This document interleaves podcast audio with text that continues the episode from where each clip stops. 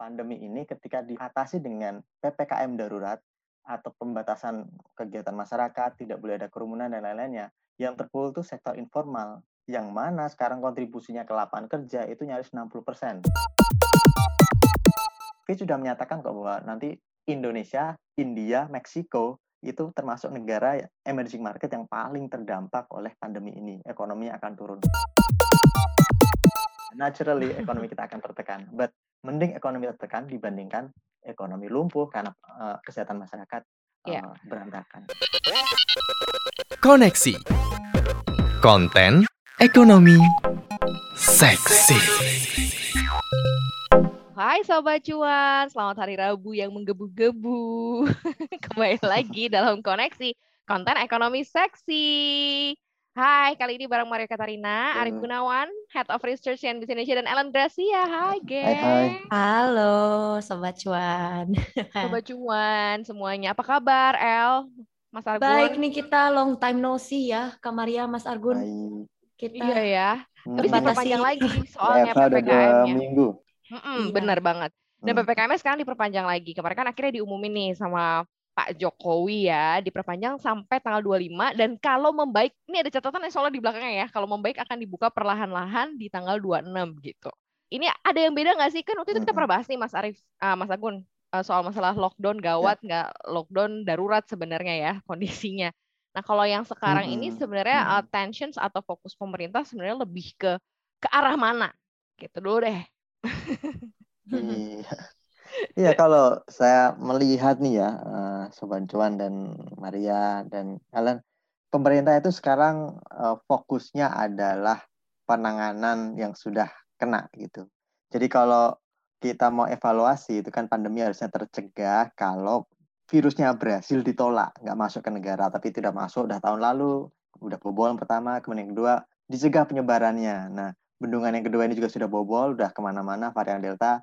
Ya sekarang PR pemerintah adalah penanganannya, penanganan yang masih aktif, uh, uh, rumah sakit rumah sakit, nakes, katanya mau dipercepat itu tunjangannya dan sebagainya, uh, penopangnya, kemudian oksigen diimpor, ya kan mereka uh, fokusnya ke sana, jadi ya, ya. menangani ya. dulu. Dan kemudian yang kedua, selain menangani yang sakit, ya mencegah agar tidak terulang lagi kesalahan yang sama tadi itu. Terulang lagi itu maksudnya harapannya kemarin itu yang meledak itu. Iya, jadi Walaupun kan tadi curiga, gimana El, gimana El? Karena karena kan gue curiganya tuh gini, setiap kali ada libur tuh uh, testingnya pasti sedikit gitu kan. Apalagi kan ini kemarin juga baru libur Idul Adha yang sebenarnya mungkin akan ada peningkatan lagi mungkin ya satu atau dua minggu ke depan, mungkin mungkin masih mungkin. Ya tapi hopefully hmm. yang kali ini orang-orang lebih aware kali ya, Kamaria. Insya Allah. Karena ledakan ledakan kasusnya juga lebih parah daripada tahun lalu. Benar, benar, benar. Uh, ya Ellen benar. Jadi kemarin saya sempat bikin perhitungan bahwa kenaikan kasus dalam tiga minggu terakhir ini sudah setara dengan seperlima total kasus pandemi selama mulai Maret tahun lalu sampai sekarang gitu. Uh-huh. Jadi lonjakan di tiga minggu ini benar-benar signifikan gitu dibandingkan sepanjang tahun kemarin ya. Karena dua hal, karena ya varian Delta ini lebih mudah menular dan di sisi lain saat itu kita sudah mulai ancang-ancang, kayaknya udah mulai tertangani ini, udah mulai ada uh, aktivitas pelonggaran, mau mau dibuka kembali. Mm-hmm. Ya itu dua ini udah mau dipelonggarkan, eh ada si delta yang datang. Jadinya seperti sekarang gitu. Nah saya pikir pemerintah berusaha untuk tidak mengulangi kesalahan yang sama dengan uh, menekan penyebaran virus. Caranya ya mau tidak mau uh, didaruratkan nih pembatasan-pembatasannya ppkm klaim... main hanya mikro ya kan. Iya. Yeah. Tapi klaim pemerintah sendiri kan sebenarnya di dua minggu ini mereka sudah bisa berhasil menurunkan tingkat uh, apa ya penyebaran ya karena bed occupancy ratio di rumah sakit juga katanya menurun. Jadi kasus sebenarnya sembuh juga banyak ya. Kasus sembuh juga banyak benar gitu. Hmm. Jadi sebenarnya tingkat berhasilan hmm. keberhasilan lumayan tinggi walaupun kemarin Opung Opung sebenarnya sempat minta maaf juga karena kata dia bilang nggak semuanya bisa tepat sasaran gitu, Mas. Iya. Ya, apalagi ini juga overloadnya at the same time juga kan. Terlalu cepat in within tuh, tuh. weeks dua mingguan terus naik gitu kasusnya. Apakah akan iya. cukup berhasil jika ini diperpanjang lagi sampai uh, lima ini besok ya? Berarti kan sampai weekend nih sebenarnya ya. Nggak tahu sih bahasanya berhasil ataukah hmm. apa nih nilai rapot yang mau diketahui nih sampai dengan nanti akhir pekan ini sampai ada statement kalau membaik akan dibuka pelan-pelan. Ya mungkin pemerintah berharap uh, sekarang ini kan kuncinya adalah kalau tidak ada kerumunan, as asumsinya yaitu kemudian tidak ada penyebaran yang masif seperti yang kemarin-kemarin. Makanya dua minggu tidak ada diharapkan tidak ada kerumunan, eh, dibatasi penyekatan di jalan, kemudian WFH ditingkatkan 75%, sektor esensial saja yang boleh beroperasi. Dengan begitu diharapkan nggak ada lagi uh, apa namanya kasus-kasus OTG yang kemudian menyebarkan virus delta itu ke mereka yang rentan gitu. Nah, untungnya tadi sempat disinggung bahwa penanganan sudah membaik gitu. Mm. Dan ini harapannya adalah uh, saya saya saya berharap menjadi solusi akhir tapi kalau memang kondisinya tidak memungkinkan ya biar jadi solusi apa itu ya ini masyarakat bisa menangani sendiri uh, virus ini meskipun tidak harus menjalani uh, apa namanya uh, terapi dari pemerintah gitu nggak harus ke rumah sakit jadi mereka sekalipun terkena uh, apa namanya virus ini terkonfirmasi positif mereka sudah tahu know how-nya untuk mengatasi uh, ketika virus ini masuk di tubuh mereka. Misalnya ya dengan ya, Singapura dong Mas Argun dan lain-lain. Ya, Kayak flu biasa yang... kalau Singapura. Iya, Singapura udah sampai ya. jual test kitnya di farmasi gitu. Biar mudah ya, biar mudah iya. dapatnya ya. Betul.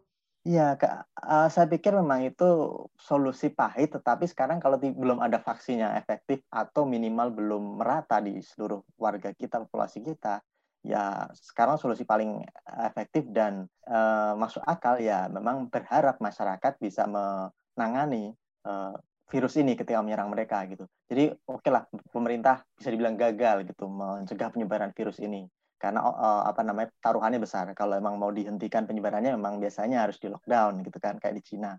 Dan otomatis kalau lockdown kita tahu ekonomi akan tertekan, tidak bisa berputar dan ya kalau itu ekonomi nggak bergerak, masyarakat akhirnya juga mohon maaf lolos dari virus tapi bisa jadi nggak lolos dari kelaparan gitu, kemiskinan nah, dan bisa jadi iya uh, pada pendekatan angka kematian. Jadi ya sekarang mungkin solusi yang yang nggak ideal tetapi paling realistis ya memang berharap masyarakat mendapatkan edukasi yang pas tepat untuk mengatasi virus ini. Dan pemerintah harus mendukung situasi itu dengan memberikan uh, subsidi atau dukungan pada uh, solusi tadi, yakni misalnya vitamin-vitamin multivitamin harus dipasok mm -hmm. ke pasar, mm -hmm. jangan ada kenaikan harga, akses ke masyarakat harus mudah gitu. Kemudian juga misalnya kalau kita bicara soal alat-alat untuk uh, perlengkapan protokol kesehatan, APD, kemudian alat-alat untuk mendisinfektasi alat-alat ultraviolet misalnya, nah itu juga harus disiapkan pasokannya, rantai supply-nya harus cepat di, di, disiapkan agar masyarakat kalau nyari nggak ada kenaikan lonjakan harga yeah, gitu ya. Ya, nah, betul itu banget. bisa menjadi solusi sementara sambil menunggu vaksin berjalan gitu. Di sisi ya. lain yang jangan dilupakan ya ini uh, Maria dan Ellen bansos gitu. Jadi ya, karena banyak yang ngeluh juga kemarin nggak cair iya. itu, Mas. itu dia. Ya, karena katanya gini, telat kalau, lama bansos. Uh, uh.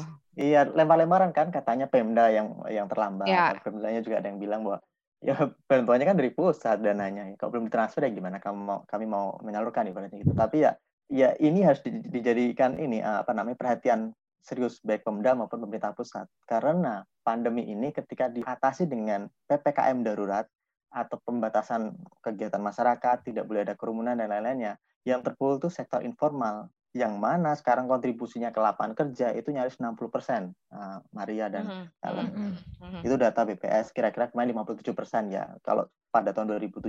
Kalau sekarang yang mungkin kisaran di, di 60-an persen. 40 persennya sektor formal. Nah, 40 persen itu termasuk kita-kita yang tiap bulan dapat gaji tetap. Jadi yeah. meskipun WFH, nggak ke mana-mana, masih bisa gajian.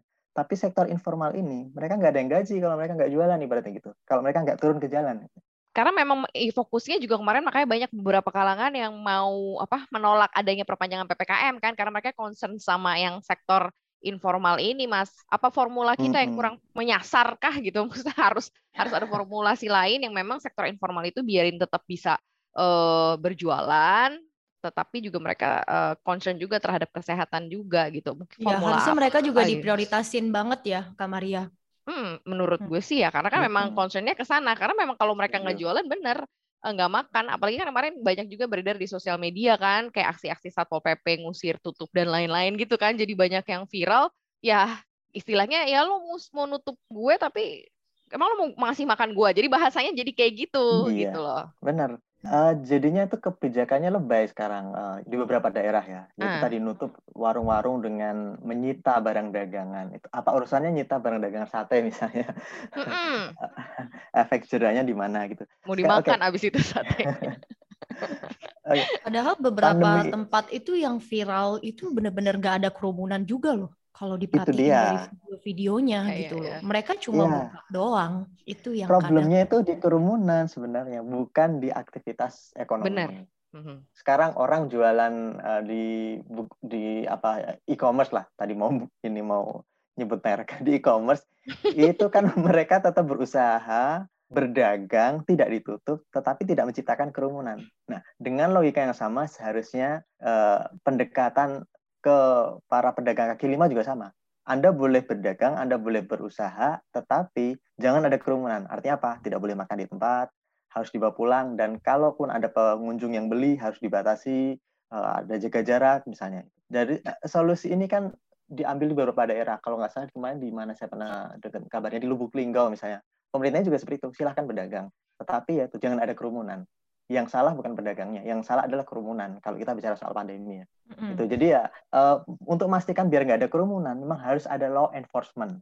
Jadi kalau nggak ada uh, satpol pp, kalau nggak ada polisi, tentara yang bisa dikatakan memantau di jalan-jalan, ya memang mungkin masyarakat akan melanggar gitu ya. Tetapi selama enforcement dijalankan dan kita punya jutaan ASN, TNI, Polri, dan satpol pp yang bisa dimanfaatkan untuk itu sebenarnya biarkan ekonomi informal berjalan, tetapi awasi jangan ada kerumunan. Uh, maksimalkan mm-hmm. itu peng, uh, ASN TNI Polri.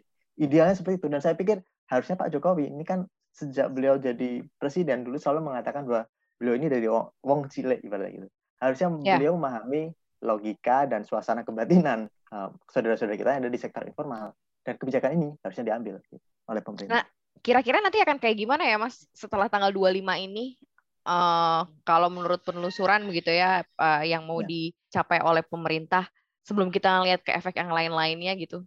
Mungkin kita akan melihat ya kalau kita bicara mana efeknya ke, ke ekonomi atau ke bursa saham. Iya, iya ke ekonomi deh misalnya. Nanti kan tanggal 25 kan masih dilihat nih rapotnya akan seperti apa. Nanti ya. kira-kira ya. pemerintah akan ke mana nih arahnya setelah itu? Iya, efek eh, ke lapangannya dulu ke lapangannya dulu. Uh.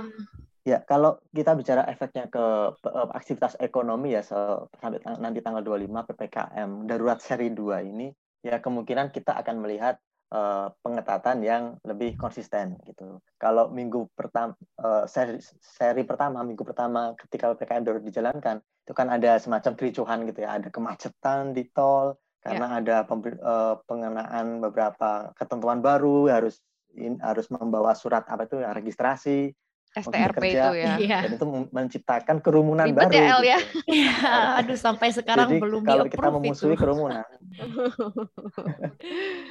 itu dia. Nah, harapannya di sesi kedua, sesi kedua, season, season kedua ini PPKM daruratnya sudah sudah nggak ada lagi kerumunan baru karena karena itu karena eh, kebijakan yang tiba-tiba dan mendadak itu belum bagus disosialisasikan. Dan kalau itu dijalankan harusnya memang ekonomi kita masih akan tersendat-sendat. Jadi kalau saya membaca beberapa pantau uh, apa namanya perkiraan itu misalnya uh, Fitch rating kemudian tadi ya saya baca ada tuh dari terbaru dari Moody's dari Moody's. Oh, Moody's dari Moody's. ya pertumbuhan ekonomi kita akan empat setengah persen tuh kalau misalnya ini masih berjalan ppkm darurat ini okay. ber, berkesinambungan. Tapi ya itu masih mendingan empat setengah persen tuh nggak lagi kontraksi dibandingkan tahun lalu berapa minus 2,1 persen kan? Yeah. Minus dua persen. Dan ini sesuai dengan uh, perkiraan kita sebelumnya ya waktu kita ngobrol di cuap cuan sebelumnya di koneksi mm -hmm. bahwa mm -hmm. paling kalau mau optimistis ya hanya empat persen gitu dari target yang 8% itu. Jadi ya kalau misalnya PPKM ini masih berjalan ya saya yakin uh, efek ke perekonomian ada. Uh, ke, uh, pertumbuhan ekonomi mungkin tidak akan sampai 8%, 7%, tapi uh, paling optimistis menurut saya di 4%. Itu sudah bagus. Dan apakah itu wajar? Ya sangat wajar. Karena sekarang pilihannya ya memang mau ekonomi atau kesehatan masyarakat gitu. Kalau kita nah. mengejar ekonomi, maka kita harus siap me membiasakan diri melihat angka kematian ribuan, dua ribuan, tiga ribuan meningkat terus. Apakah kita siap dengan konsekuensi uh, moral dari itu? Uh, kalau untuk para para pejabat kita, saya pikir enggak. Jadi ya ekonomi pasti akan dalam tanda kutip dikorbankan, nggak seperti uh, awal tahun lalu di mana ekonomi tetap dikenjot karena asumsinya ya mm -mm. mungkin pemerintah berpikir pandemi ini masih bisa dikendalikan gitu. Padahal kan karena karena pusing juga kali ya, maksudnya ekonomi dan pandemi kan dua hal yang harus sama-sama tapi ternyata nggak bisa gitu ya Mas ya. Nah kalau ya, kita lihat ke dipli ekonominya yang tergambar di bursa nih, kalau kita ngelihat dan mengacu ke tahun lalu kan hmm. sebenarnya kondisi dari kenaikan harga-harga sahamnya kan cukup lebih fantastis ya. Kalau yang ini dua hmm. minggu kayaknya sosok deh di situ-situ aja ya nggak sih Al? Maksudnya Sideways. Maksudnya nggak kayak bener-bener menggreget kayak ya seperti tahun lalu yang ya, naiknya turun nggak turun naik nggak naik gitu kan di gitu. situ-situ aja. Agak ada iya. yang berbeda tampaknya di dua minggu belakangan ini sih mas. Ya kalau PSBB di ya? bursa saham memang ya kalau di kita bicara apa berjalannya udah kurang lebih tiga minggu lah ya. Kalau tiga minggu terakhir itu ya sebenarnya masih positif uh, nih uh, sobat cuan, Maria dan Ellen uh, masih di kisaran satu persenan, 1,5 persenan. Kalau tiga minggu saja itu 1,9 persen. Kalau dua minggu ya 1,5 persenan. Artinya masih positif sebenarnya tren uh, pergerakan harga-harga saham. Uh, pelaku pasar mulai memandang bahwa efek buruk PSBB ke ekonomi itu bisa ditolerir dibandingkan misalnya tidak ada PSBB, tapi hmm. kemudian terjadi uh, tragedi secara dalam skala nasional dan itu akan semakin melumpuhkan perekonomian. Gitu. Oh, berarti intinya ketidakpastian itu lebih besar pas tahun Pilihannya lalu ya, mending ya, tertekan atau mending lumpuh. Nah, ya.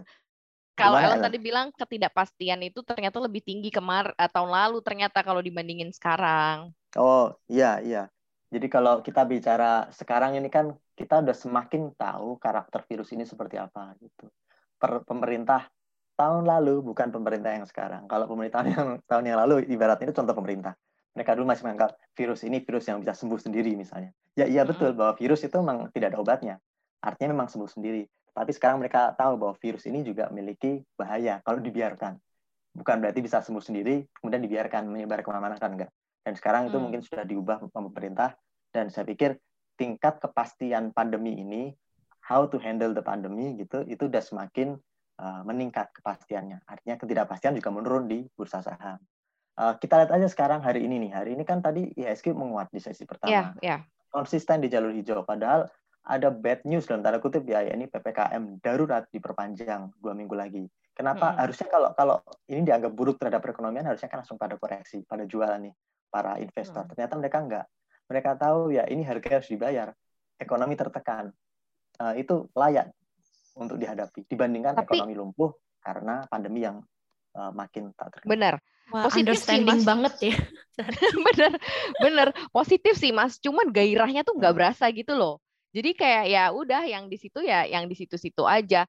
Apakah mungkin appetite-nya investor pun juga merasa bahwa oh gue kayaknya nggak perlu juga nih atau mungkin gue lagi penting megang cash flow cash kayaknya dia ya ketimbang gue mungkin membelanjakan duit gue ke oh, iya. saham iya. atau ke mana itu sih yang gue baca ya di market karena memang positif tapi gairahnya hmm. tuh nggak ada maksudnya gairahnya biasa aja gitu loh mas kan kelihatan kan kalau dari transaksi kan sebenarnya ya ya transaksinya juga sepi banget dari sepi. minggu lalu Iya, transaksi kemarin itu 5 triliunan gitu rata-rata. Padahal hmm. sebelumnya uh, eh, 6 triliun itu minimal. Rata-rata sebelum PPKM darurat itu rata-rata 7-8 triliun.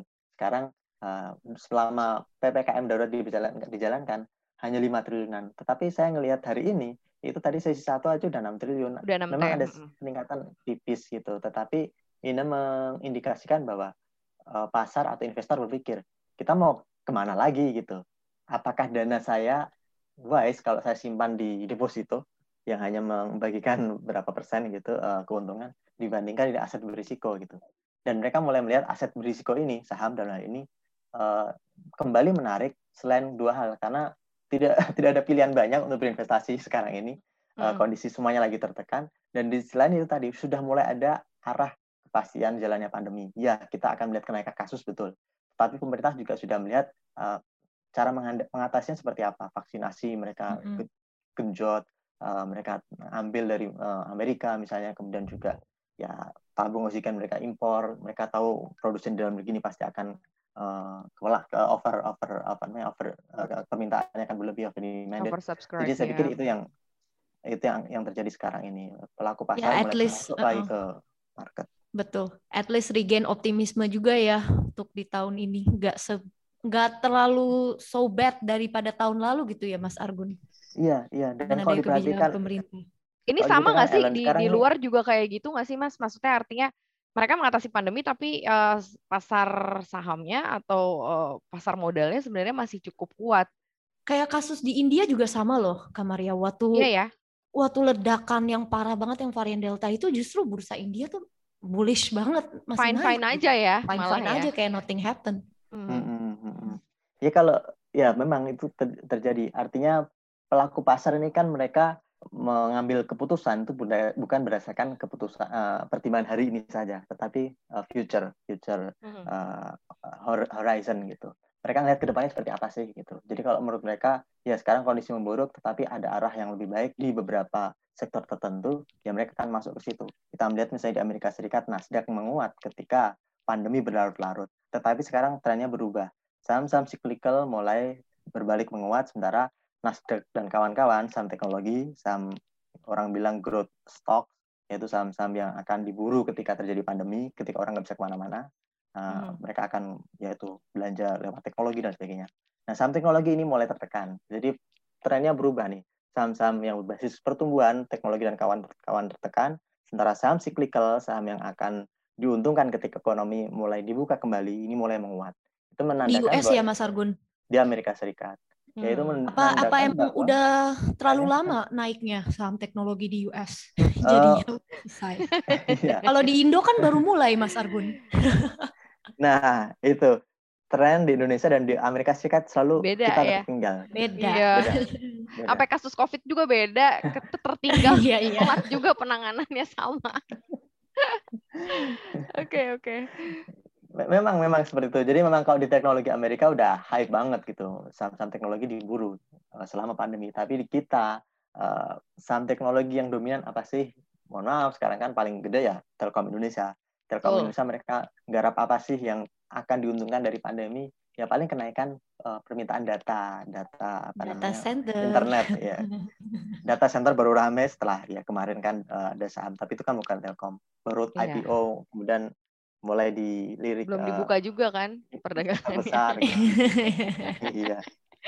Nah dan di sekarang kita baru mulai dengan masuknya e-commerce beberapa kemarin kita bahas buka lapak ya, dan katanya lapak, nanti betul. ada yang masuk lagi uh, GoTo, go jadi kalau itu terjadi saya pikir itu akan menjadi uh, kutub baru bagi investor untuk me, apa namanya memutar dananya. Jadi selama ini opsinya tidak hanya di saham perbankan saham komoditas saham uh, perbankan komunitas bolak-balik situ aja, tetapi ada pikiran baru saham-saham uh, teknologi dalam hal ini ya ini berbasis e-commerce mungkin. Berarti kalau gitu gairah yang belum muncul ini karena mungkin jangan-jangan belum munculnya saham-saham yang lagi diincar nih. Iya. Itu nggak sih? Ini masih menaruh benih-benih ya Mas Argun? Masih menaruh benih-benih kayaknya atau ngantri sebenarnya ke yang mau IPO sebenarnya. Jangan-jangan sih. Kayaknya sih gitu. Memang, memang ada yang jualan, portofolio mereka karena mereka siap-siap buat ngantri untuk yang baru mau masuk ini gitu. Tapi kan itu skalanya nggak masif biasanya. Uh, ya ada, tetapi nggak sampai bikin uh, nilai transaksi anjlok bertriliun-triliun. Ya mungkin satu triliun per hari itu ya wajar lah kalau ada yang ngantri seperti itu. Iya, tapi banyak yang mau juga belum tentu dapat loh Mas Argun. kalau udah di menurut gue bakalan susah banget buat dapet sih, menurut gue sih. Kalau udah launching malahan susah. Iya, iya, memang akan bakal uh, susah karena ini lebih didorong faktor hype. Jadi kalau kita bicara valuasi akan sangat debatable. Kita kemarin udah bahas kan kalau kita ngomong buka lapak, uh, menurut saya valuasinya memang layak dihargai uh, premium, tetapi apakah sepremium lebih premium daripada Amazon? Kemarin kan saya bilang kok kayaknya nggak sepremium Amazon gitu. Ini terlalu tinggi dibandingkan Amazon. Tapi ini masih debatable mungkin mereka yang menganggap bahwa ini terlalu murah akan memberikan argumen valuasinya multipelnya kali berapa misalnya sementara yang eh, menilai ini sudah terlalu mahal valuasinya terlalu tinggi ya mereka punya argumen sendiri tapi itu semua akan kalah dengan satu hal yakni hype gitu yeah. karena uh, pertama digitalisasi Dan itu kan future expectation ya mas ya future expectation digitalisasi itu tidak terelakkan gitu bahkan hmm. ketika dot-com bubble unlock tapi kan internet tetap ada dan survive jadi broadband sampai sekarang berkembang seperti ini. Ya. Industrinya yeah. tetap ada. kita tinggal pilih mana aja yang kira-kira uh, akan anjlok, turun atau gagal dan mana yang akan berhasil. Ya, Sama demand-nya ke mana Mas Argun? Akhirnya akan seperti apa sih Mas? Uh, ya ujung-ujungnya nih kalau kita bicara mengenai pemberantasan pandemi uh, PPKM ini dan juga kestabilan ekonomi khususnya nanti yang data-data atau raport yang terjadi di ya baik yang ekonomi secara keseluruhan maupun ekonomi di pasar modal nih nantinya akan hmm. seperti apa sih harapan bukan harapan ya kenyataan yang diinginkan gitu karena ya. kan oh ini kan akan berlanjut lagi. Kita nggak tahu tanggal 25 nanti apakah akan diperlan dilanjutin lagi atau nanti skemanya beda lagi. Kan soalnya pemerintah paling pintar lah membuat narasi menurut gua yang yang yang cukup ya supaya masuk gitu ke semua kalangan gitu. Sebenarnya nggak apa-apa nggak apa-apa juga. Cuman kadang jadi tujuan sama apa harapannya tuh nggak sinkron jadinya nah tapi kalau kita ngeliat dari kondisi saat ini yang di diperpanjang lagi dan kemudian nanti side effect terhadap ekonomi baik secara keseluruhan maupun di uh, pasar modal nanti akan seperti apa nih kenyataan yang di ya. diincar kayak bukan harapan lagi males ah harap apa sama satu lagi paling ya apa? Nanti transisi PPKM ini bakal berjalan smooth atau kayak waktu dulu nih dari iya, PSBB betul. pertama ke PSBB ya. transisi itu jomplang banget. Jomplang ya. banget, iya. Uh, uh, kayak mendadak, uh kok rame mendadak gitu.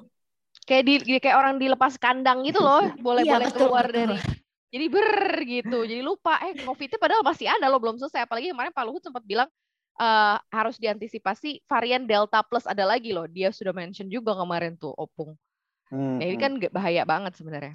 Iya, uh, kalau menurut saya sekarang ini pemerintah sudahlah gitu, uh, ya to to the ground gitu, nggak perlu lagi bikin narasi yang seolah-olah me, apa namanya menenteramkan, tapi justru tadi itu bikin masyarakat abai, lalai. Mm-mm. Kayak dulu misalnya, dulu mungkin spiritnya bagus biar masyarakat nggak panik, bilang oh ini bisa sembuh sendiri, tetapi kan masyarakat jadi abai. Tapi yeah. sekarang ya udah semua orang udah tahu gitu, pandemi seperti apa, kasus kematian tinggi dan saya yakin sobat cuan di sekitarnya pasti ada yang jadi korban sudah meninggal pasti ada kabar. Banyak, karena ya sekarang lingkaran uh, dan itu udah konkret. Makanya pandemi ini tidak bisa ditipu. Jadi anda bisa statistik bisa anda tipu tetapi angka kematian orang akan tahu gitu. Oke lah hmm. misalnya tes spesimen dikurangi pasti nanti kasus konfirmasi positif juga akan turun otomatis ya rasionya juga akan turun. Tetapi angka kematian tidak bisa dibohongin bed occupancy ratio bor di rumah sakit itu juga nggak bisa hmm. dibohongin. Ketika pasiennya semakin banyak, ya otomatis orang akan merasakan. Saya mau ke rumah sakit kok udah penuh. Antrian, hmm. ada orang meninggal semakin banyak. Jadi sekarang semuanya to the ground, pemerintah juga harus konkret. Sekarang kondisinya kayak gini, maka kalau memang harus di, perlu diberlakukan uh, eh, PKM darurat, ya esensi kedaruratan itu dijalankan. Law enforcement-nya dijalankan. Jangan kayak PSBB transisi. Misalnya nanti dilonggarkan, orang tidak ada berkerumun tanpa ada protokol kesehatan. Yeah. Ya gini, masyarakat kita itu belum seperti masyarakat di negara-negara uh, maju yang mereka bisa apa namanya kedisiplinannya sudah terjaga. Gitu. Mm -hmm. Kita belum ke sana, maka law enforcement dijalankan. Saya selalu menekankan perlu di dioptimalkan ini pemanfaatan para ini tenaga aparat sipil negara kita, terutama TNI Polri Satpol PP untuk menjaga, memastikan agar protokol kesehatan dijalankan di tempat-tempat umum gitu agar ekonomi bisa berputar, masyarakat beraktivitas, tapi ya tadi mencegah kerumunan dan itu harus dijalankan. Itu saja sih menurut saya yang harus di, dijalankan pemerintah. Dan mereka harus udah konkret harus akui bahwa tidak ya. bisa lagi mengakal-akali angka, menargetkan pertumbuhan ekonomi yang muluk-muluk. Sudahlah, ekonomi sekarang kita positif aja udah bagus gitu. Nggak akan ada yang mengutuk Bu Sri Mulyani atau mengutuk Pak Jokowi kalaupun target pertumbuhan ekonomi kita tidak tercapai. Karena apa? Pandemi gitu. Semua orang juga menghadapi problem yang sama. Nah, jadi faktor ekonomi ini sudahlah nggak perlu dikejar. Sekarang diberi, diimbangkan uh, faktor hmm. kesehatan masyarakat juga yang di, di, di, di optimalkan gitu. Saya pikir tadi dukungan bansos harus diperkuat untuk mereka yang di sektor informal. Kemudian biarkan tetap ada aktivitas ekonomi, tetapi protokol kesehatan dijaga dengan uh, law enforcement gitu. Okay. Dan di sisi lain ya biasalah vaksinasi yang dikejar dan lain-lain. Hmm. Dan dan setuju, setuju. ini Fitch Fitch sudah menyatakan kok bahwa nanti Indonesia, India, Meksiko itu termasuk negara emerging market yang paling terdampak oleh pandemi ini. Ekonomi akan turun. Sudahlah semua orang akan mengekspektasikan yang sama. Jadi nggak hmm. perlu kita berusaha menyampaikan bahwa Indonesia aman-aman saja dan sebagainya. Sudahlah ya, ya cukup naturally, ya. ya naturally ekonomi kita akan tertekan. But mending ekonomi tertekan dibandingkan ekonomi lumpuh karena aktivitas eh, karena uh, kesehatan masyarakat yeah. uh, berantakan. Gitu. Mending dipasrahin yeah. aja ekonominya ya, Mas Argun Maria.